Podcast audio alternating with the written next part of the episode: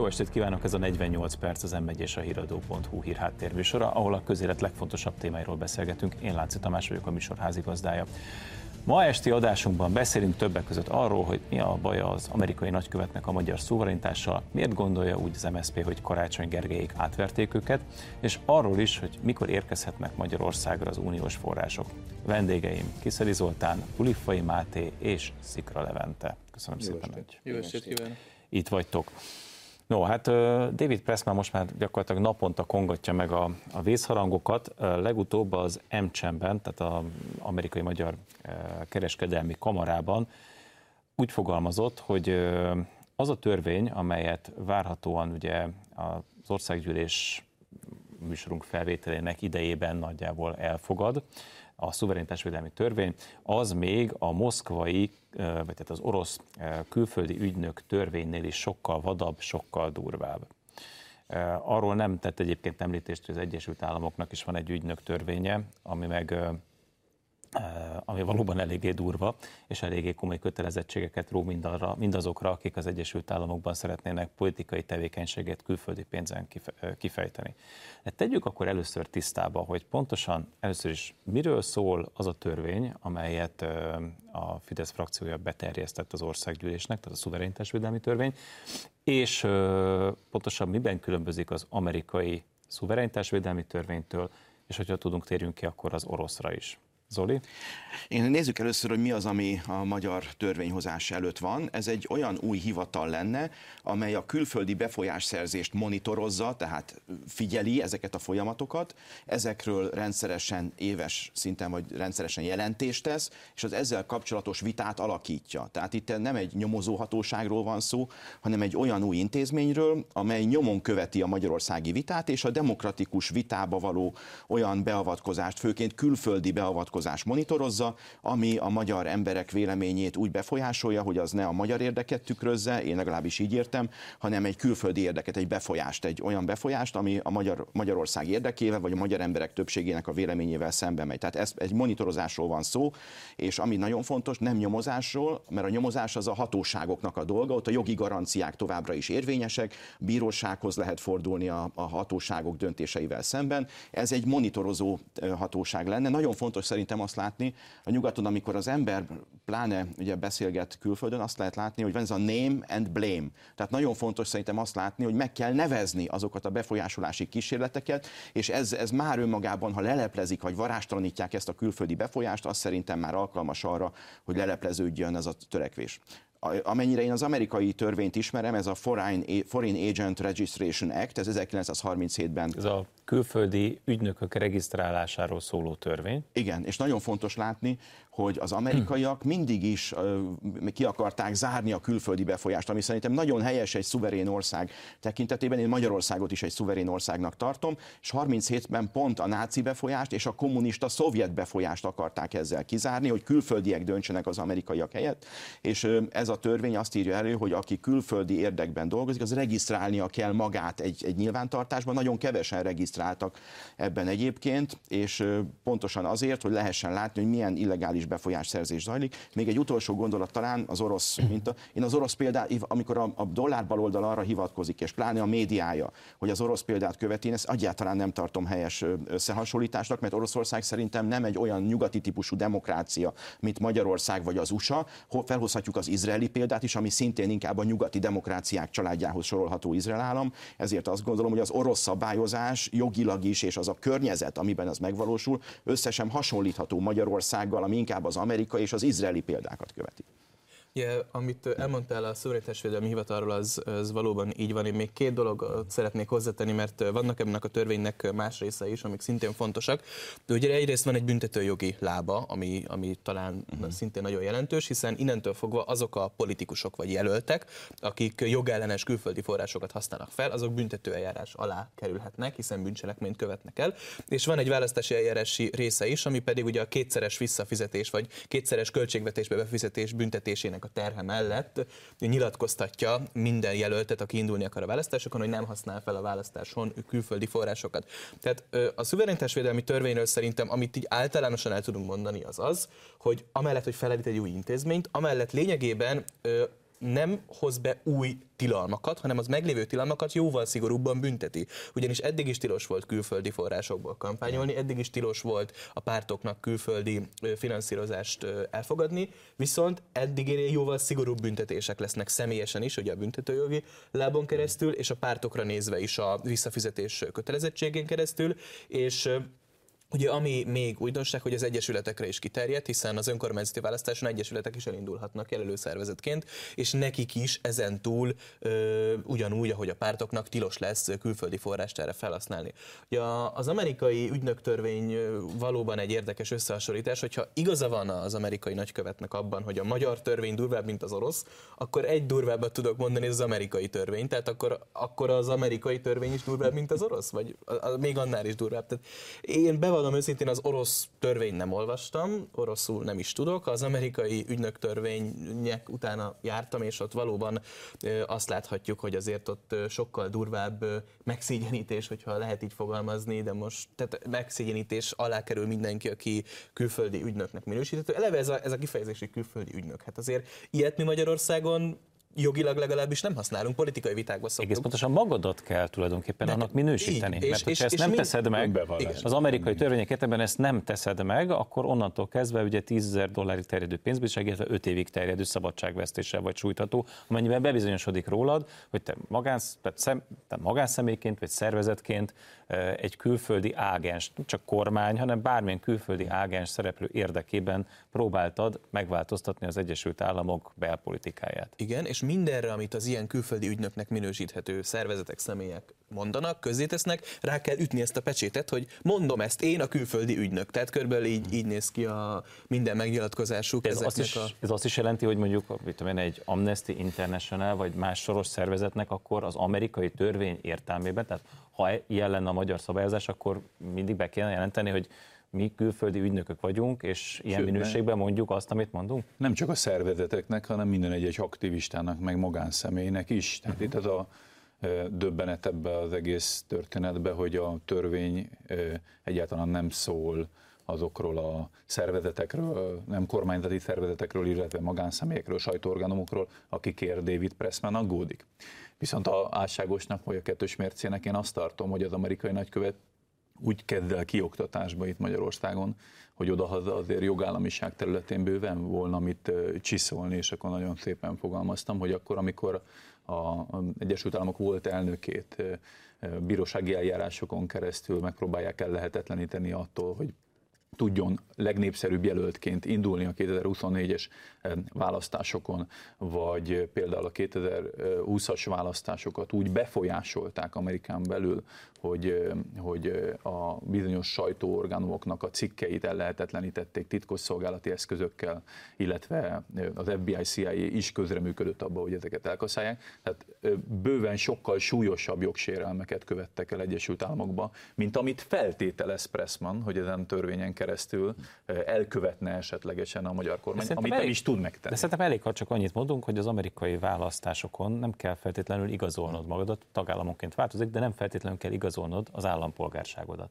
Tehát besétálsz és szavazol, sőt én, akkor egyszer kint voltam egy tanulmányúton az Egyesült Államokban, akkor ott elmondták, hogy volt olyan illegális migráns, elment, leszavazott, egy valamilyen választáson, majd ezzel a papírral a kezébe, hogy ő szavazott, elment és igényelt az állampolgárságot, mondva, hát ő már részt vett az amerikai demokratikus processzus. Sőt, egyébként ehhez még annyit hozzá, hozzátennék, hogy a demokrata párt, mert most politikai uh-huh. viták vannak pont 2020 után arról, hogy kellene igazolni jobban, uh-huh. vagy stb. És a demokrata párt minden olyan republikánus állami vezetésre, amelyik tesz egy olyan javaslatot, hogy mostantól ezért szigorúbban kelljen igazolni a személyazonosságot, azt mondja, hogy ez a szavazók elnyomása. Tehát konkrétan az, hogy igazolni kell azt, hogy te jogosult vagy szavazni, arra azt mondja a demokrata párt, ahova ugye Pressman nagykövet úr is tartozik, azt mondja, hogy az igazolás az a szavazók elnyomása és a demokrácia el, korlátozása. Tehát képzeljük el akkor, hogy mondjuk besétál valaki Magyarországon egy szavazóhelyiségbe, ott ül a, a bizottság, és akkor nem kérik el a személyigazolványt, hanem megkérdezik, hogy ön kicsoda, bemondod a nevedet, és utána szépen bedobod a, az urnába a szavazó cédulát. Ezt így, így kell elképzelni. Mindjárt tudom a szót, csak még egy dolog nagyon ide kívánkozik. És ez tömeges méretekben nyilván. Ez pedig a levélszavazás, mert a 2020-as trükkök uh-huh. másik része az volt, hogy a Covid-ra hivatkozva, uh-huh. ez egy valótlan hivatkozás volt, de nyilván politikailag felhasználták, a demokrata állami vezetések, ahol tudták, mindenhol szélsőséges mértékben kiterjesztették a levélszavazásnak a lehetőségét, ami pedig még ennél a személyazonosságot nem ellenőrző személyes szavazásnál is több teret ad az átláthatatlan dolgokhoz. Tehát valóban itt, itt komoly problémák voltak, és az, hogy a levélszavazás ilyen széles körben lehetséges ma is, az, az egy nehezen ellenőrizhető. Még egy gondolatot hadd mondjak még a szuverenitás védelmihez, mert Amerikában is nálunk Igen, is. Mondani, nekem is van még pár kérdésem, de mondja. ne, nem, csak röviden, mert ez jutott eszembe, amikor ezt a témát, ez a téma felvetődött, hogy a soft politics fogalmát kell tisztáznunk, és a nézőknek is el kell mondani, hogy amikor Soros György hálózatáról beszélünk, az egy szinoníma, ugye azt a fajta befolyásolás soft politicsnak hívják ezt a politikában. Ez azt jelenti, hogy nem, hogy kiállnak és azt mondják, hogy Európa fogadjon be évente egy millió migránst egy politikusként, és vegyen föl ezer milliárd euró hitel. Soros György megír egy ilyen cikket, ugye ezt megírta 2015-16 körül, hogy ezer milliárd euró örök járadék hitelt vegyen fel az Unió. És ugye azt nem mondta, hogy kitől, de biztos lett volna rá ötlete, évi egy millió embert kellett volna szerinte befogadnunk, ez egy véleménycikk volt, és azt látjuk, hogy utána vannak olyan szervezetek, amelyek elkezdik megdolgozni a közvéleményt, mondjuk a, a, a NGO-ként, magukat NGO-ként definiálva. Látjuk, Zoli, bocsánat, ez elindul ez a folyamat. Hát nem csak erről van szó, hogy egy kedves idős úr ír valami habókosat, és utána a szervezetei elkezdik ezt terjeszteni. Hát ő maga, illetve most már ugye a fia járkál, és állami vezetőkkel egyeztet. Hát ö, valaki egyszer megszámolt, hogy hányszor járt Soros György például Brüsszelben az elmúlt években, és hányszor egyeztetett ö, legmagasabb szinten, von der Leyennel, meg az korábban a Junckerrel. Hát egy egészen hosszú lista. És tehát fölmerül a kérdés, tehát egy amerikai üzletember magát filantrópnak nevező üzletember, illetve a fiacskája pontosan miért járkál be, hát kinek a nevében, miről tárgya. Most legutóbb, ha látom, akkor Zelenszkivel tárgyalt, illetve arról, hogy Európa hogyan és milyen módon viszonyuljon Ukrajnához. Tehát, hogy föl kell venni Ukrajnát ugye az Európai Unióba, a fegyverszállításokat föl kell, stb. stb. Tehát Igen.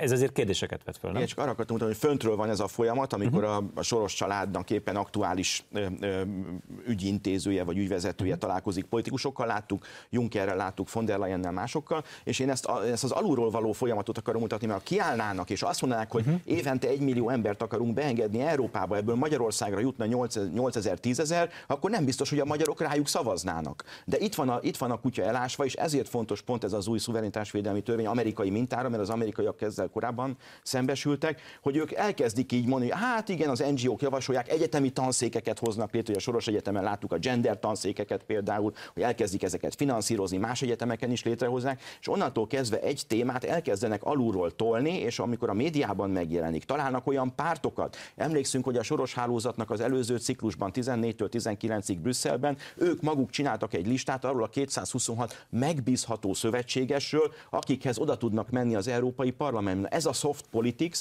amikor nem kiállnak és azt mondják, hogy ez a tervünk, ezt szeretnénk, kaptának 2-3 százalékot és nem tudják megvalósítani, ezért látjuk azt, hogy föntről finanszíroznak kampányokat, Hillary Clinton kampányát például a sorosék is finanszírozták mások mellett. Amikor Hillary lett a külügyminiszter, rögtön a civil társadalom egy amerikai prioritás lett a külpolitikában, és azt látjuk, hogy ezeken a politikusokon keresztül tudják ezt csinálni, és igazából szerintem ami a legfontosabb, hogy erről nekünk beszélni kell a demokráciában, ha ezt leleplezzük, ha bemutatjuk ezeket a folyamatokat, oknyomozással, más eszközökkel, amelyek demokratikus és nyilvános közbeszédet lehetővé teszik, akkor van esélyünk arra, hogy varástalanítsuk őket, és az emberek az igazságról, a valóságról jól tudjanak dönteni, ezért jó a nemzeti konzultáció, a népszavazás eszköze, mert ott ezeket megvitatjuk, és pont lehet mutatni, hogy azok a szervezetek, amelyek például a népszavazás bolykotjára hívnak fel, hogy azok is valamilyen Szerintetek, érdekből tehetik. Ezt. Szerintetek nem leleplező az, hogy van egy szuverenitásvédelmi törvény, ami arról szól, hogy mégiscsak hogy Amerikából több milliárd forintnyi dollárt küldtek ide, amelyel megpróbálták befolyásolni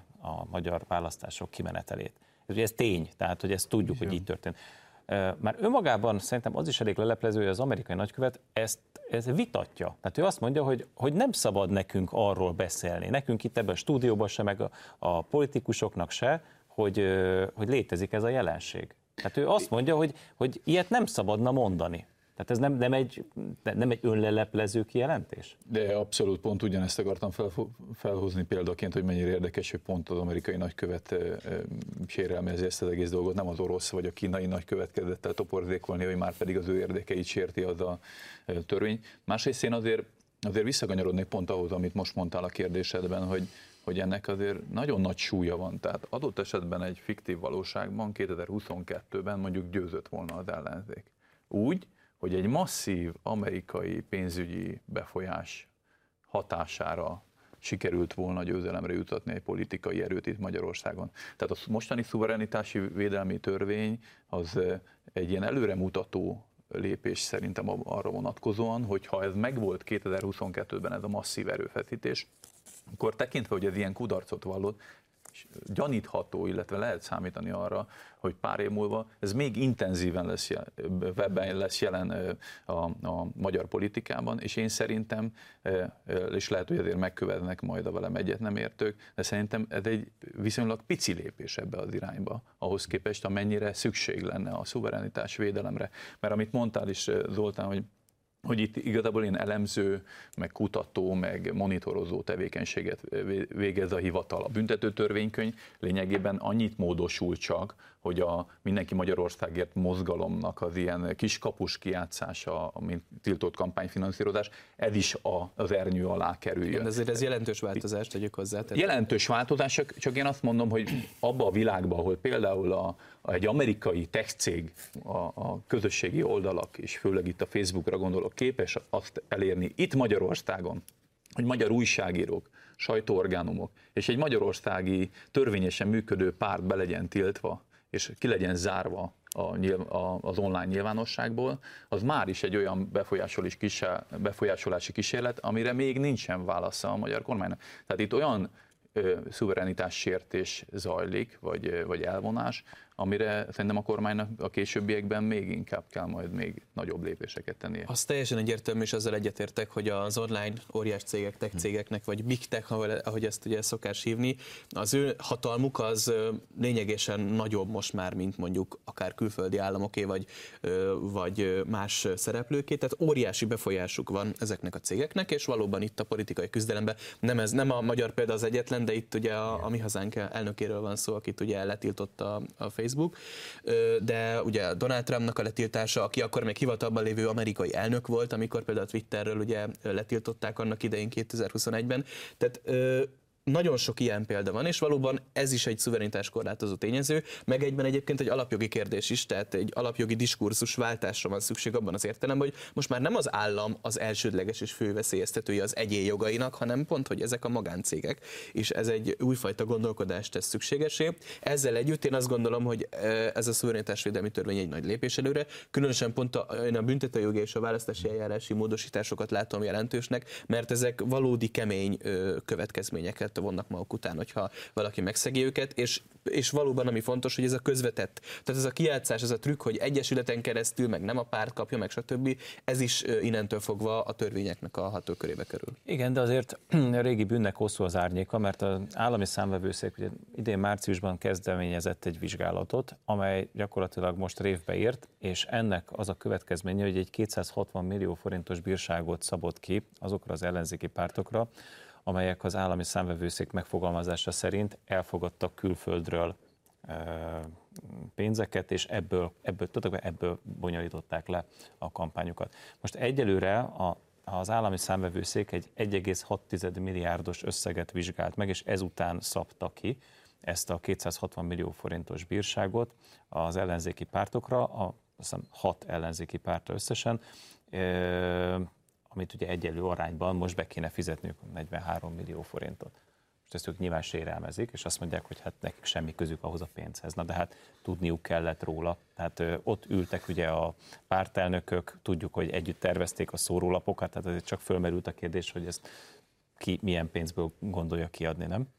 És az is, azt is egy, azt tegyük hozzá, hogy a magyar kormány pont azért, hogy a demokratikus verseny biztosított legyen, ez egy demokráciában a hatalomváltás lehetőség az egyik legfontosabb ismérve, és a magyar ellenzék még a 20, mindig, mindig 10, 10, 14-ben, 18-ban, 22-ben is győzni készült. Tehát ők elismerik a hatalomváltás lehetőségét. Ugye egy demokráciának pont az egyik legfontosabb ismérve, hogy leváltható legyen a hatalom, ők erre készültek, és a magyar kormány egyébként a 14-ben hatályba lépő törvény után, ugye, ahogy ez a választási törvény is módosult, mindig biztosított annyi pénzt az ellenzéki pártoknak is, a nem kormánypártoknak, amiből Magyarországon az itteni költségek mellett jól lehet kampányolni. Tehát arra nem lehet panaszkodni, hogy egy párt, amely kellő számú jelöltet állít, nyilván arányosan kapják a támogatást, ne tudnak annyi pénzt kapni legálisan, amennyiből egy jó kampányt tudnak folytatni. Az az ő döntésük, hogy hány jelöltet állítanak, hogy hányan fognak össze, de pont, ja, és egyébként azt is fontos hozzátenni, hogy a pont a kamupártok visszaszorítására szigorították is ezt a törvényt, ellenzéki javaslatra egyébként. Tehát az a lényeg, hogy volt elégséges pénz, erre akarok kiukadni a, a magyarországi feltételek között a kampányolásra, és emellé fogadtak el külföldi pénzt ezek a pártok, legalábbis az Egyesületen keresztül most már ezt láttuk, az ő érdekükben. Igen, ott volt az elnökök szignálcsoport, ugye erről is sokat olvashattunk, hogy ott is egyeztettek, és hát volt az, az, a pártelnökök, az ellenzéki pártelnököknek a közös a, a csoportja, és, csoportja volt. És igen. mondjuk ami még érdekesebb, hogy, hogy az egyik politikus még a választás után mondta, hogy hát jöttek az amerikai tanácsadók, ugye, hogy ez, ezt is látjuk, mondták, hogy jöttek az amerikai tanácsadók, és azt mondják, hogy szídjuk a Putyint. Ugye még el is mondták utána, hogy, hogy, hogy, hogy ezek a tanácsadók jöttek, és ugye szépen látjuk a titkosszolgálatnak nyilvánosságra hozott jelentéséből, ami a parlament honlapján mindenki számára olvasható, hogy a demokrata párt körüli tanácsadók is megjelentek ebben a kampányban. Hozzáteszem, az amerikai szabályozás szerint egyébként, ha külföldi tanácsadót vonz be, az is egy külföldi támogatásnak, tehát a, még Igen. a pénzmozgás nincs is, azt is úgy veszi, hogy ez egy, ez egy adomány tulajdonképpen. Ez egy klasszikus ö, olyan probléma, amikor a politikusok felelősségéről beszélünk, hogy ha tudott róla az a baj, ha nem tudott róla az a baj. Tehát szerintem nem kifogás az, hogyha valaki azt mondja, hogy nem tudott róla. Uh-huh. Egyrészt én azt gondolom, hogy ez nehezen hihető, hiszen valóban itt felmerül az a jogos kérdés, amit Tamás is feltett, hogy tulajdonképpen ö, nem gyanakodtak, hogy mi, miből van az, ami van. De ez az egyik dolog. A másik meg, hogy ha, nem, ha meg nem tudtak róla, akkor teljesen sötétbe vannak. Tehát akkor meg milyen alapon bízzuk rájuk rá az ország országot olyan politikusokra, akik még a saját kampányuknak a költségeit sem képesek átlátni. De nem csak őket verték át, várjál, pillanat, mert itt van még egy, még egy csavar a történetben, ugyanis egy magát megnevezni nem kívánó mszp politikus azt mondta, hogy őket is átverte, például Karácsony Gergely, amikor ugye voltak ezek az ominózus adományládák, Karácsony Gergely 99 mozgalmának a titokzatos adományládája, amiben már sokszor emlegetett dollár és euró és font kötegek. Frissen nyomtatott, be. szép, sima. ugye, amikor Igen. kinyitották ezeket a ládákat, tíz láda volt összesen, hmm. akkor abból egyet nyitottak ki az MSZP-s delegáltaknak a jelenlétében, ők annak a jegyzőkönyvét alá is írták. Majd ezek szerint, vagy az ő állításuk szerint még kilencet kinyitottak, de ott már a jegyzőkönyvön hát ha jól értem, az MSZP-sek azt mondják, hogy ott aláhamisították az aláírásokat, mert annál, azoknál ők nem voltak jelen. Na most itt megint megy a, tehát a, a És ez vagy igaz, sárral vagy dobálózás. Igen, vagy igaz, vagy nem. Na most akkor megint, tehát gyakorlatilag azt állítja magáról egy párt, hogy őt átverték, ő hülye volt, őt megvezették, mert úgy ment, úgy folyt át rajtuk a pénzt, hogy észre se vették. Én, ha jól értelmezem, akkor most azt kellene tanácsolnunk ezeknek a kárvallott pártoknak, hogy támogassák a szuverenitás védelmi törvényt, mert legalább akkor a transzparencia meg lesz majd, hogy a fejük fölött vagy a hátuk mögött hogy zajlanak ezek a kampányköltések. Én valahol azt olvasom, ezek ilyen 30x30x30-as adománygyűjtő ládikák voltak, és ugye amiket mindig ugye fölvették a jegyzőkönyvet, hogy mennyi pénzt fizettek be, és ugye ezek az euróbankjegyek, illetve fontbankjegyek, amik ezekben a ládikákban voltak, hogy kérdés, hogy férnek bele egy ekkora kicsike ládikába. Ugye a másik pedig tényleg, amit Levente is mondott, hogy ugye, ahogy olvassuk a, a híreket, hogy ezek sorozatban, sor, sorszámozott pénzek voltak, bank, friss bankok voltak, illetve gyűrődésmentesek, és hát kevéssé valószínű, hogy mondjuk az emberek emberek csak 50 eurósokat tartanak ott. Hogyha ez tényleg mikroadomány lenne, akkor lenne 5 eurós, 10 eurós, 20 eurós, kisebb-nagyobb címletek gyűröttek, és ugye, ahogy olvasom, jellemzően nem ez volt. Igen, tehát hogyha egy párt ennyire figyel oda ezekre a dolgokra, akkor tényleg kérdés, hogy hogy lehet rájuk bízni ezt. Ugye Gyurcsány Ferencet, amikor kérdezték, hogy mi lett volna, ha nyernek, mondta volna, hogy káosz, ugye talán ilyen nyilatkozatot is tett korábban még a, a egyik választás után. De ami talán itt fontosabb, hogy igen, ez a hat párt, ez a hat, azért is hívjuk őket dollárbaloldanak, ezért ragadt rájuk ez a név, mert ugye Erót és fontot kaptak egy, egy amerikai, illetve egy svájci alapítványtól, ez az, amit ugye a jelentésekben De nem ezért, nem ezért lett dollárbaloldal a nevük, mert az, az, a, az Action for Democracy hát, ez az dollárja, ez az amerikai támogatáshoz kapcsolódik, de az biztos, hogy nagyon szeretik a, a valutát, egyszerűen így, így valahogy nagy, van valami különleges kapcsolódásuk, a viszonyuk ezekhez. De a beszélgetést majd innen fogjuk folytatni, egy rövid szünetet tartunk, és aztán visszajövünk. Tartsanak velünk a második részben is.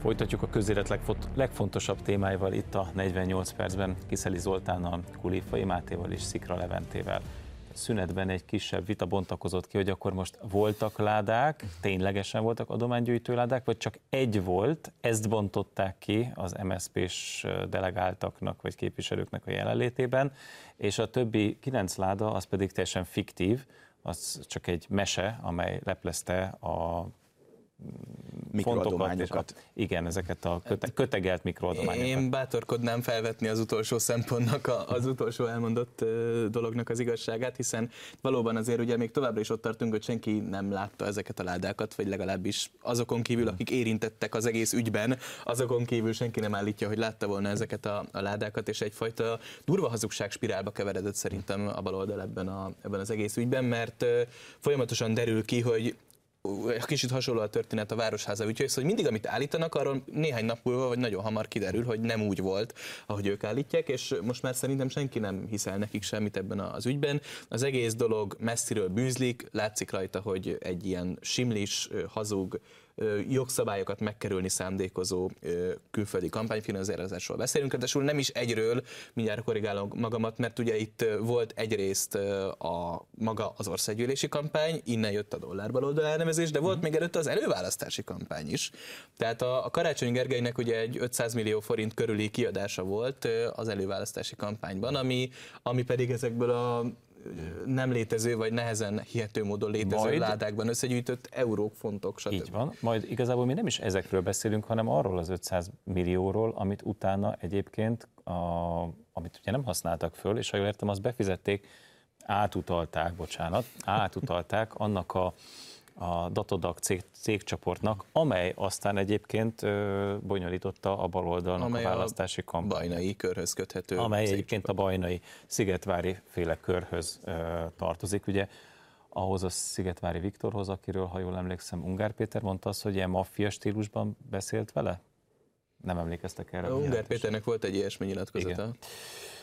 Ö, na most azért az ügynek a pikantériája az, hogy mindeközben az MSP a főpolgármester jelölti kampányban már, ő, tehát már előre támogatását biztosította, támogatásáról biztosította Karácsony Gergelyt ha jól értem. Nem lehet az, hogy, hogy az MSZP-n belül megint ez a kibeszélés egy ilyen bel, belharcot szimbolizál, vagy jelez? Mert azért itt volt egy jó pár kilépő az elmúlt pár évben az MSZP-ből, ilyen emblematikus harcok, Szanyi Tibor, Mesterházi Attila, Ujjai.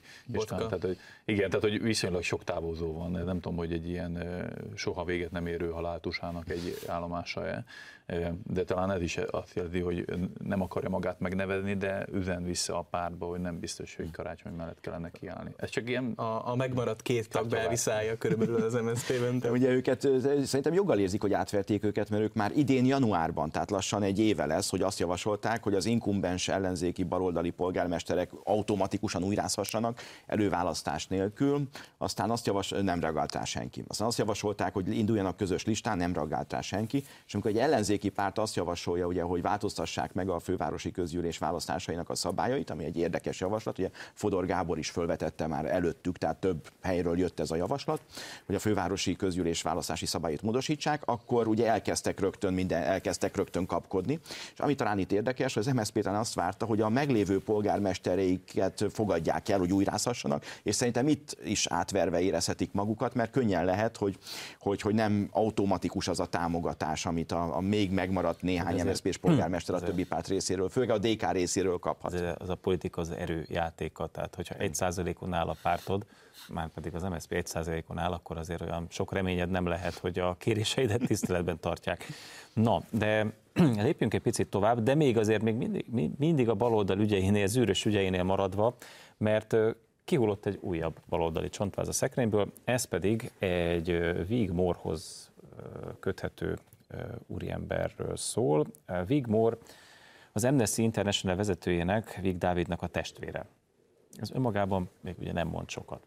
Ez a Wigmore egy ügyvéd, akit ugye eltiltottak a, a hivatásának a gyakorlásától, mert egy vesztegetési ügybe keveredett, pontosan egy kísérletbe, ami miatt a bíróság őt eltiltotta az ügyvédi praxisától.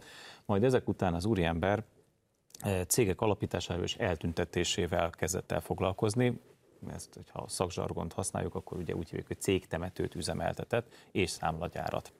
Na és itt jön a képbe a baloldal, mert hogy ehhez a számlagyárhoz kapcsolódik Dezsőfi Tibornak a már emlegetett Datadag csoport egyik prominens tagjának az egyik projektcége, amelyik részt vett a 2022-es kampány lebonyolításában. Ebben a cégtemetőben tűnt el Dezsőfinek a cége, ha jól értem a híreket. No most, a számomra a, az érdekességen az egésznek az, hogy ez a ugye kiment a rendőrség, lefoglalta az iratokat ebben a cégtemetőben, és megint elindult a, a mosakodás. Megint elindult ugyanaz a játék, amiről az előbb beszéltél, mindenki mindent tagad. Ott azért a szálak meglehetősen összeérnek.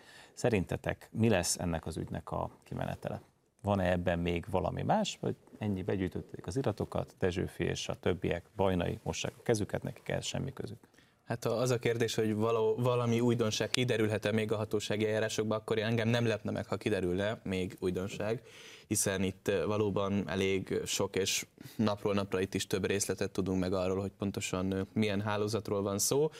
Úgyhogy én azt gondolom, hogy most a, a hatóságoknak kell hagyni, hogy dolgozzanak, és persze nekünk pedig azért fel kell hívni a figyelmet arra, hogy itt egy újabb érdekes és nehezen megmagyarázható pénzügyi politikai összefonódás van, és ráadásul itt tényleg a, az csak a pikantériája a dolognak, hogy mindez az Amnesty International vezetőjének a testvére körül bontakozott ki, amely Amnesty International folyamatosan ugye itt a korrupció ellenes küzdelmet hirdeti legalábbis a, az zászlaján. Szerintem annyival könnyebb lesz a hatóságok dolga, hogy pont egyébként a gazdaság fehérítése érdekében néhány éve már bevezették az elektronikus számlázást, tehát szerintem azért, ami korábban működött, hogy ilyen kézzel kitöltött számlákat tologatnak ide-oda, az most már hogy az elektronikus számlázásra való áttéréssel szerintem nehezebb lett, tehát én is azt gondolom, hogy a hatóságoknak könnyebb lesz most már nyomozniuk, és hát én is érdeklődéssel várom az eredményt. Igen, tehát azért látszik, hogy mindig mondják, a baloldali politikusok a pénzen csúsznak el, talán ez egy újabb példája lesz ennek. Itt egy körről van szó, vagy ez csak egy véletlen egybeesés, hogy, hogy egy a cégtemetőt üzemeltető fickónak a közös székhelyre bejelentett vállalkozása van, Dezsőfi Tiborral, aki pedig az atyamestere volt a 22-es, az egyik atyamestere volt a 22-es baloldali kampánynak, aki mellesleg egyébként, mármint ez a Vigmore, közben pedig testvére ennek a én szerintem nagyon sok ilyen gazdasági összefonódás van a háttérben azért a valóságban, ezek a üzleti meccéspontok azok nagyon jellemzik, főleg a politika gazdasági hátországát. Én is igazából számomra mindig az a kérdés merül föl minden egyes ilyen botránynál, hogy ez bárhogyan is leképeződik-e a választói véleménybe vagy vélekedésbe. Tehát, hogy van-e olyan hatással egy, egy ilyen jogi, gazdasági botrány, összegek repkednek az emberek feje uh-huh. fölött, hogy, hogy megrendül-e a bizalom esetleg egy politikai körben, vagy sem. És ebben vagyok egy kicsit szkeptikus, hogy az embereknek a tudatáig eljut-e, vagy csak az a, egy ilyen globális kép erősödik, hogy nem lehet megbízni a politikusokban, mert mindig mutyiznak de azért most itt nem általában politikusokról van szó, ha jól értem, hanem Abszolút, ezért egy, nagyon, ezért egy nagyon jó körülhatárolható körről, amelyik most már két éve folyamatosan újabb és újabb ügyeket Szerintem produkál. itt egyébként az a kérdés merül fel megint, hogy ki kit képvisel a politikában. És ezen, ezen a kérdésen keresztül én annyiban vitatkoznék veled, hogy szerintem ott a, a választópolgárok igenis nagyon tisztán látnak, amikor bemennek a szavazófülkébe, mert ahogy, ahogy ez a dollárbaroldal botrány is megmutatta, ez a botrány is megmutatja, és ezt tényleg most már egyértelműen mondhatjuk.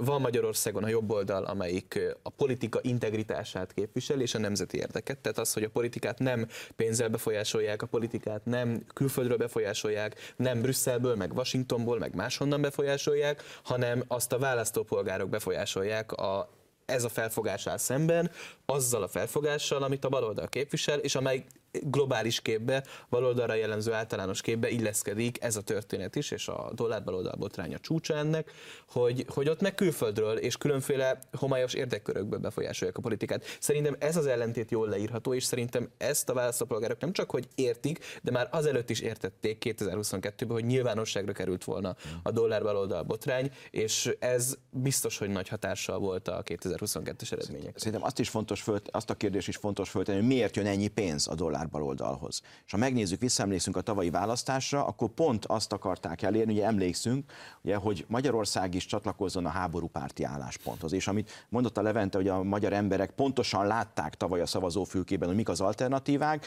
a guruló dollárok belesodortak volna minket a háborúba. Én szentül meg vagyok győződve arról, hogy ha egy szivárvány koalíció lett volna tavaly a választás győztese, akkor az lett volna, mint Szlovákiában, hogy odaadtak mindent az ukránoknak, a repülőiket, a légvédelmi rendszereket, és most a magyar repülők védik Szlovákiát például, mert ők mindent odaadtak az ukránoknak. Vagy láttunk más országokat is, ahol szivárvány koalíció van, a saját nemzetük, a saját gazdaságuk ellen hoznak döntéseket, más érdekért. Mondok egy példa, egy egy ilyen példát.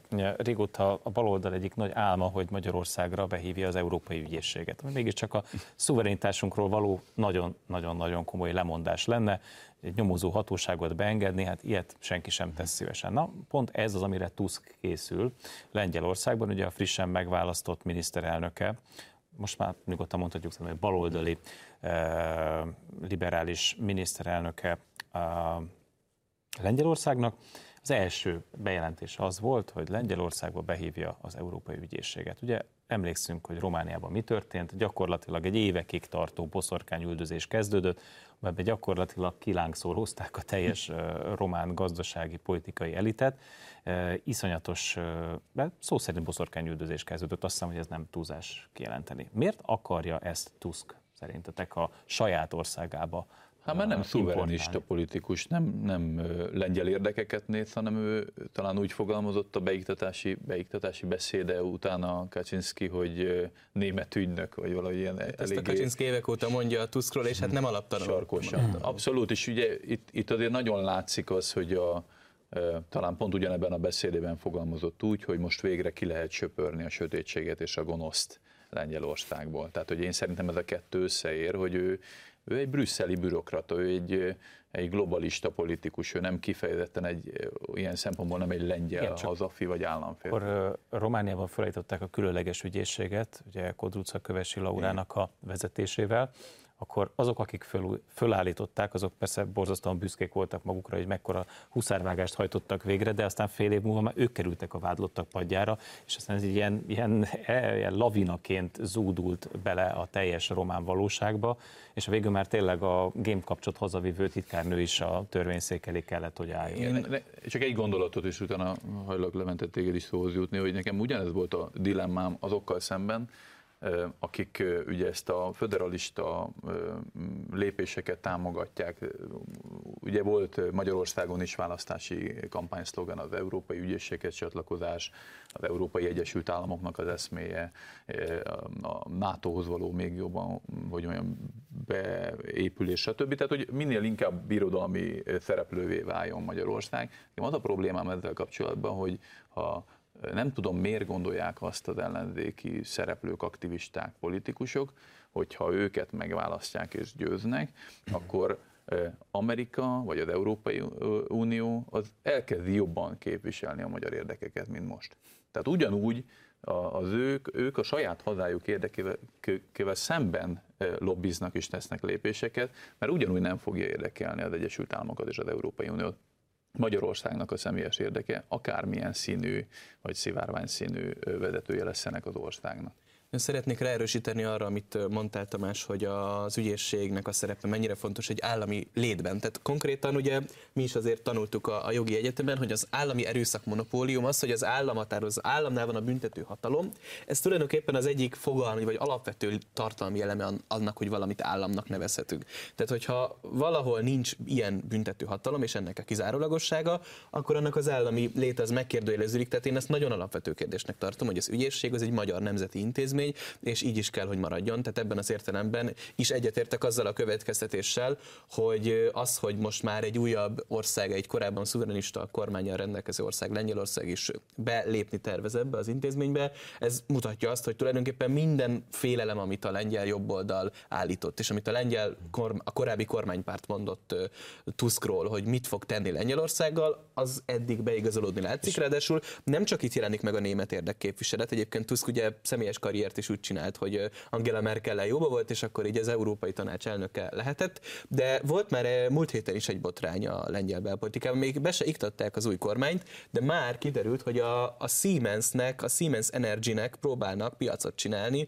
ugye az új lengyel kormány megpróbál szélerőmű telepítést megkönnyíteni, és láss csodát, pont, a, pont az egyik legnagyobb német vállalatnak az energia cége fog ezekből hasznot húzni, tehát látható, hogy azért a, a Tusk-féle párt az egyértelműen a, a német elitnek a, a zsebében van, és ez Lengyelországban egészen máshogy hangzik, mint Magyarországon. Persze így se szeretjük, hogyha valakit külföldről finanszíroznak, ahogy ezt a műsor első felében megbeszéltük, de az, hogy Lengyelországban ugye két fő mumus van, az oroszok és a vannak németek. Vannak sérelmeik, maradjunk Igen, ennyiben. igen, vannak, vannak bizonyos, sérelmek, igen, igen, csak jogos sérelmeik, tehát tehát azt gondolom, hogy ez a lengyeleknél a német, német érdekeket ilyen nyíltan képviselni még durvább dolog, de, de valóban itt azt gondolom, hogy Tusknak a jellemzése az röviden annyit tud lenni, hogy globalista. Hát, tehát, hogy globalista. Abban a nagy, de kíváncsi vagyok a véleményedre, Zoli, de hogyha jól értem, abban azért egyetértünk, hogy az Európai Ügyészség az gyakorlatilag a farkaslába, amit így betesz az ajtóba, tehát hogyha oda bejutott, akkor onnantól kezdve egy pillanat, és már be van a nagyszobába, és mindenkit fölfal. Igen, ez tényleg a szuverenitásnak egy átruházása egy föderalista intézményre, és ugye nagyon nehéz visszacsinálni. Hogy a fokrémet nehéz visszarakni a tubusba, ugyanúgy kilépni az Európai Ügyészségből, az nagyon nehéz lenne, akár egy később a hatalomba visszatérő jobboldali szuverenista kormány számára is. Lehet, hogy azért csinálja, Tusk, ugye ilyen még az, az euróadóság zónába való belépés. Ott is, hogyha az ember belép ebbe az euróadóság zónába, onnantól kezdve részese annak az átutalási mechanizmusnak. A pénzügyi szuverenitásáról mond le lényegében. Pontosan, ugye ezek azok a uh-huh. döntések, amiket, ezeket a szivá, amiket ezek a szivárványkoalíciók általában forszíroznak, hogy valóban annak a nagy európai birodalomnak a részévé váljanak, és hogy csak remélhetik, hogy azt az érdeket, amit mondtál Máté, a saját nemzetük érdekét majd valahogy képviselik. De hát ezt láttuk a, a Habsburg birodalomban, a szovjet birodalomban, nem csak mi magyarok, szerintem a lengyelek, többiek ugyanígy látták, hogy ha nincsen egy erős képviselete annak az országnak az asztalnál, akkor nem fogják azt az érdeket a birodalmi központokban figyelembe Röviden reagálj erre, aztán Csak, csak egy, egy perc, hogy ö, ö, nekem az a sérelmem, hogy azok, akik szorgalmazzák a belépést az Európai Ügyészségbe, azok a többnyire ellenzéki szereplők, szereplők, azok kifejezetten jogi bosszút akarnak állni a politikai ellenfeleiken, mivel választásokon nem képesek őket legyőzni. És ez a, ez a motiváció is szerintem rendtentetően aljas és egyébként félig meddig nem hazaárulásnak is minősíthető, hogyha nem képes demokratikus módon legyőzni az ellenfelet, akkor megpróbál külső segítséget kérni, egy jogi segítséget, hogy az Európai Ügyészség bevonásával bírósági meg, meg jogi eljárásokon keresztül legyenek börtönbe záratva a politikai ellenfelek. No, Nagyjából az adásunkkal egy időben kezdődik az Európai Tanácsnak az ülése, ahol nem kevesebbről lesz szó, mint hogy Ukrajnát fölvegyék-e az Európai Unióba, illetve elinduljon-e a felvételről való tárgyalás. Magyar álláspont elég egyértelmű, a tárgyalásokat nem lehet, csak napirendre sem szabad venni, mert annyira előkészítetlen. Ugyanakkor valakik valamiért eszelősen nyomják az ukrán csatlakozást, annak ellenére, hogy Ukrajnának a mondjuk úgy, hogy a pénzügyi, katonai és egyéb szuverenitása meglehetősen korlátozott, tehát még azt se tudjuk megmondani, hogy éppen a mai napon hol van Ukrajnának a határa, mert éppen ahol az aktuális frontvonalak vannak, ott van. Tehát valakik a háborút akarják importálni az Európai Unióba. De kik ezek és miért? Tehát milyen, is mondjam, milyen brüsszeli érdek állhat, ha egyáltalán ez brüsszeli érdek, amögött, hogy unió, az Unióba fölvegyék Ukrajnát? Azt kell látni, hogy az amerikai elnökválasztás kimenetele bizonytalan, hogyha Donald Trump vissza tud térni a hatalomba, és a republikánus pártnak a többsége már most is blokkolja Amerikában Ukrajna támogatását, akkor attól félhetnek, hogy megismétlődik az az időszak, ami Trump elnö, első elnökség idején, amikor Európának kellett idézőjelben átvennie ennek a globalista érdeknek a képviseletét. És erre készítik fel szerintem most az Európai Uniót, és a mi pénzünkből akarják Ukrajnát négy évig, 24-től 27-ig finanszírozni, de hogyha az USA kell, kiesne... De ehhez miért kell, ehhez miért kell, a, tehát miért kell fölvenni?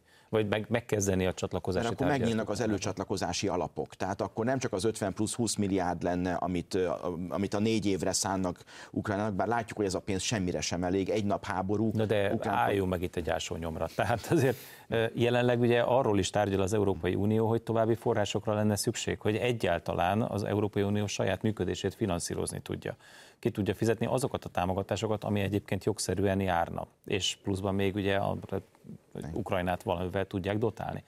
Tehát most még ezt akarják megfejelni, azt mondod, még ezt további összegekkel? Persze, az 50 plusz 20 az négy évre szóló támogatás lenne, és hogyha elkezdik a csatlakozási tárgyalásokat Ukrajnával, Moldvával, hozzáteszem, a Nyugat-Balkán is megérdemelni, hogy onnan is legalább egy vagy két országot ugyanilyen meghívásban részesítsenek, akkor előcsatlakozási plusz alapok nyílnak meg, mint minden előcsatlakozó országnak, és ez még egy plusz finanszírozást jelent Ukrajna számára, és hát tegyük hozzá, hogy még az európai békeeszköznek csúfolt, nyugodtan mondhatjuk, háború finanszírozási alapot is megtoldanák plusz 5 milliárd dollár, euróval, és ugye Anthony Blinken, amerikai külügyminiszter az amerikai képviselők meggyőzésére elmondta, hogy az Ukrajnának szánt pénz 90%-át amerikai fegyvergyárakban költötték el, tehát könnyen lehet, hogy amit itt Európában pénzt adunk, az nem csak a német, francia, meg más fegyvergyáraknál, hanem bizony javarészt akár amerikai fegyvergyáraknál köthet akkor ez, egy pénz, akkor ez egy pénzszivattyú. Ha jól értem, itt az Európai Uniós tagállamok beteszik a pénzt Ukrajnába, és onnan pedig kiveszik az amerikai fegyvergyárak. Ha, ha, ha, ha nem hát tévedek, Anthony, akkor ez egy... Ez egy... követjük, akkor minimum az európai pénznek is egy, uh-huh. egy nagyobb része, én azt gondolom, hogy nagyobb része akár ott köthet ki, hiszen látjuk, hogy amerikai cégek is gyártják, vagy ugye honnan veszi Európa az, az, az energiát, az LNG-t? Amerikából. Tehát a, az, az energiaintenzív fegyvergyártáshoz is, a gázt például leginkább vagy dollárban számolják el, ami Amerikának kedvez, vagy olyan LNG-t veszünk, ami ugye Amerikából jön. És akkor ne felejtsük el azt se, hogyha pedig végül mégis végigmenne a folyamat, és Ukrajna uniós taggá válna, akkor lényegében az, amit erről eddig beszéltünk, hogy nekünk jog szerint jár uniós források, meg stb. ezt elfelejthetnénk, mert onnantól kezdve a kohéziós alap minden pénzét Ukrajnára kellene fordítani, tehát az összes, összes újabb és szegényebb tagállam, a, beleértve Magyarországot, Lengyelországot, Csehországot, bárki más, litvánokat, bárkit, mind uniós átlag fölé kerülne, kikerülne a kohéziós régióból, és uh, Ukrajnának mennének a pénzek, annak ellenére, hogy ezek az országok ettől még nem lesznek jóval fejlettek. Nem arról van szó szerintetek, hogy, vagy akár arról is szó lehet, mert egyesek ezt is felvetik, hogy ha uh, Ukrajna az Európai Unió tagja lesz, tehát a vámhatáron belülre kerül, akkor gyakorlatilag uh, nem lesz a keleti országoknak, tehát nekünk, itt a térségbeli országoknak semmilyen eszközünk arra, hogy a dömpingáron érkező ukrán gabonát például a piacainkon kívül tartsuk. És akkor most még csak a gabonáról beszéltünk, és egy csomó olyan dologról nem, amely szintén Ukrajnából akkor szabadon áramolhatna be ide az európai piacra. Kérdés, hogy ez most a keleti határvidék gyengítése a cél, de számomra egy olyan dilemma felmerül, az Egyesült Államokban lehetett látni, hogy a kiútolt brutális mennyiségű dollármilliárdnyi Ukrajnának szánt segély egy jelentős részét Egyesült Államokon belül költötték el, ugye különféle cégek, fegyvergyártó cégek, stb. Tehát a gazdasági szereplők lényegében ott bent tartották ezt az összeget, majd a terméket vitték elvileg ki Ukrajnába. Itt, itt, itt számomra az a dilemma, hogy vajon ilyen jellegű szándék meghúzódik az ilyen döntések mögött, hogy egy Európai Unióban egy német gazdasági szereplők, vagy francia gazdasági szereplők vajon mekkora hasznot remélnek abból, hogy közös uniós szinten van egy komoly pénzügyi támogatás kiutatva Ukrajnának. Nem lesz olyan óriási hasztuk egyébként a német és francia cégeknek ebből, tehát pont ahogy folytatva a gondolatmenetedet, hogy ha Ukrajna bekerül a közös piacba, akkor például a francia gazdák szintén nem lesznek túlzottan boldogok, hogy most a francia gazdaság egyik fontos akkor szereplőjét említsük kikap, meg. Kikapcsolhatják és, a kombánygépet és eladhatják. És, és, úgy általában, és úgy általában véve, tehát ugye mi is tapasztaltuk például a cukoriparunknál és más területeken is, hogy az Unióban kvóták működnek a termelésre, és hogyha Ukrajnát is bele kellene számítani ezekbe a kvótákba, akkor nem csupán arról lenne szó, hogy Ukrajnából több ö, konkurencia érkezne mondjuk a magyar termékekkel szemben, hanem arról is, hogy a magyar termelést is bizonyos területeken vissza kellene fogni, hiszen kevesebb jutta ránk ugye az uniós kvóta alapján. Ennyi fért bele a 48 percben. Köszönöm szépen a figyelmüket, és ahogy mondani szoktam, tartsák szárazon a puskaport.